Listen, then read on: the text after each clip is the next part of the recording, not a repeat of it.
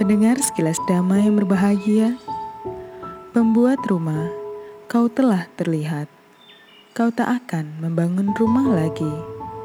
Semua rusuk ini telah patah.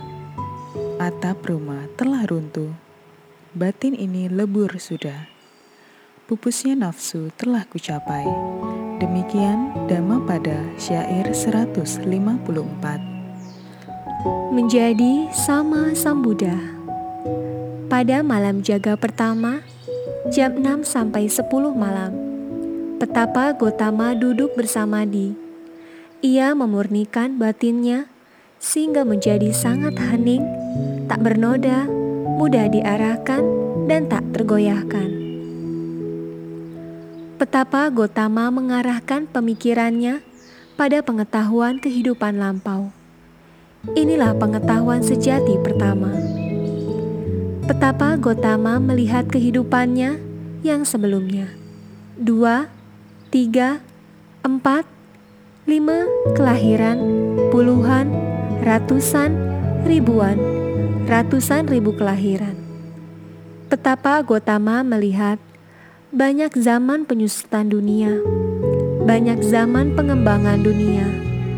Betapa Gotama mengingat dengan sangat jelas siapakah ia pada kehidupan itu. Ia mengingat dengan jelas pengalaman-pengalamannya yang menyenangkan dan yang tidak menyenangkan pada semua kehidupan itu. Pada malam jaga kedua, jam 10 malam sampai 2 pagi betapa Gotama mengembangkan pengetahuan sejati kedua, yaitu muncul dan berlalunya makhluk yang membuatnya melihat siklus kematian dan kelahiran ulang makhluk lain sesuai karma mereka. Betapa Gotama melihat makhluk yang memiliki pandangan dan perbuatan salah. Setelah meninggal, terlahir di alam derita makhluk-makhluk mulia yang memiliki kekuatan tubuh, ucapan, dan pikiran. Setelah meninggal, terlahir di alam bahagia, di alam surga. Betapa Gotama lalu memahami bagaimana makhluk-makhluk itu pergi sesuai perbuatan mereka.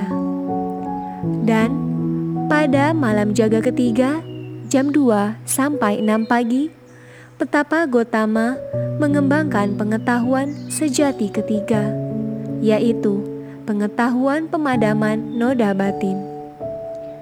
Ini membuatnya memahami sifat segala sesuatu sebagaimana adanya, yaitu inilah duka. Inilah sebab duka, inilah akhir duka, inilah jalan menuju akhir duka.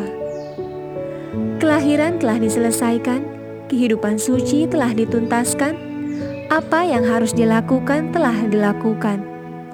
Di bawah sinar bulan purnama, pada bulan Waisaka, betapa Gotama terbebas menjadi sama Sang Buddha yang cerah, sempurna, sejati.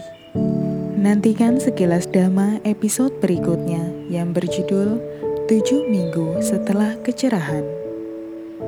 Sekilas Dhamma spesial kisah hidup Sang Tata Gata akan hadir selama 100 hari menyambut Hari Waisak 2562 tahun 2021. Sekilas Dhamma dapat didengarkan melalui Spotify dan channel YouTube Cetia Dhamma Dayada dengan kata kunci Sekilas Dhamma.